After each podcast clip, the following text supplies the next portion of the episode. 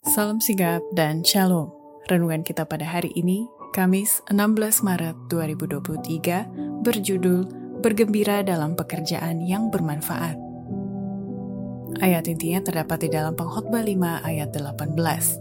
Lihatlah, yang kuanggap baik dan tepat ialah kalau orang makan, minum, dan bersenang-senang dalam segala usaha yang dilakukan dengan jerih payah di bawah matahari selama hidup yang pendek yang dikaruniakan Allah kepadanya, sebab itulah bagiannya.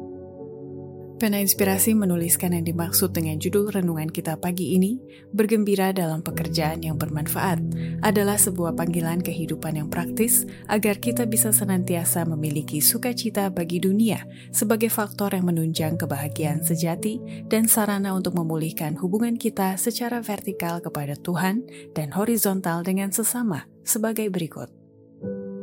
Pertama, Metode dan alasan kita perlu bergembira dalam pekerjaan yang bermanfaat, karena sebagai orang Kristen yang benar, pikirannya harus dijaga dalam keadaan lentur, yang siap untuk menciptakan hiburan dan rekreasi baru supaya tetap sehat.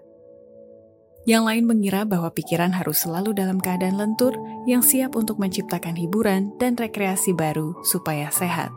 Orang-orang perlu belajar bergantung kepada kegembiraan, dan tanpa itu mereka akan gelisah. Mereka ini bukan orang Kristen yang benar, mereka juga berada pada ekstrim yang lain. Kedua, Metode dan alasan kita perlu bergembira dalam pekerjaan yang bermanfaat, karena pekerjaan itu berdampak pada pembentukan tabiat yang selaras, seimbang, konsisten, gembira, dan benar.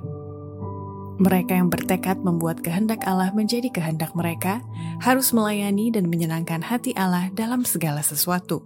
Kemudian, tabiat akan selaras dan seimbang, konsisten, gembira, dan benar.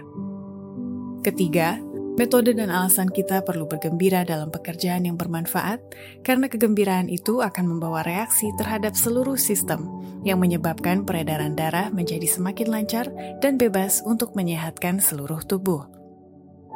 Jika pikiran bebas dan bahagia, dari kesadaran perbuatan baik dan perasaan puas dalam mendatangkan kebahagiaan kepada orang-orang lain, maka hal itu menciptakan kegembiraan yang akan bereaksi terhadap seluruh sistem menyebabkan peredaran darah semakin bebas dan menyehatkan seluruh tubuh. Berkat Allah adalah satu kuasa penyembuhan, dan mereka yang banyak melakukan kebaikan kepada orang lain akan menyadari berkat-berkat yang ajaib itu, baik dalam hati maupun dalam kehidupan.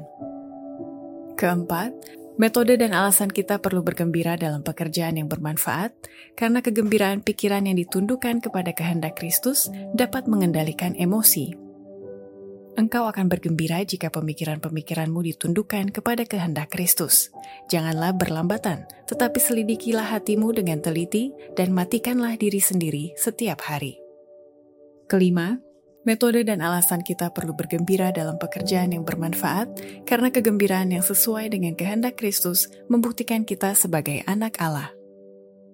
Roh mementingkan diri sendiri yang diatasi, cobaan untuk melalaikan tugas yang dilawan, hawa nafsu yang ditundukkan, dan penurutan secara sukarela dan gembira yang diberikan kepada kehendak Kristus adalah bukti yang jauh lebih besar yang menunjukkan bahwa engkau adalah anak Allah daripada kesalehan yang tidak teratur dan agama yang bersifat emosional. Demikianlah renungan kita pada hari ini. Kiranya Tuhan memberkati kita semua.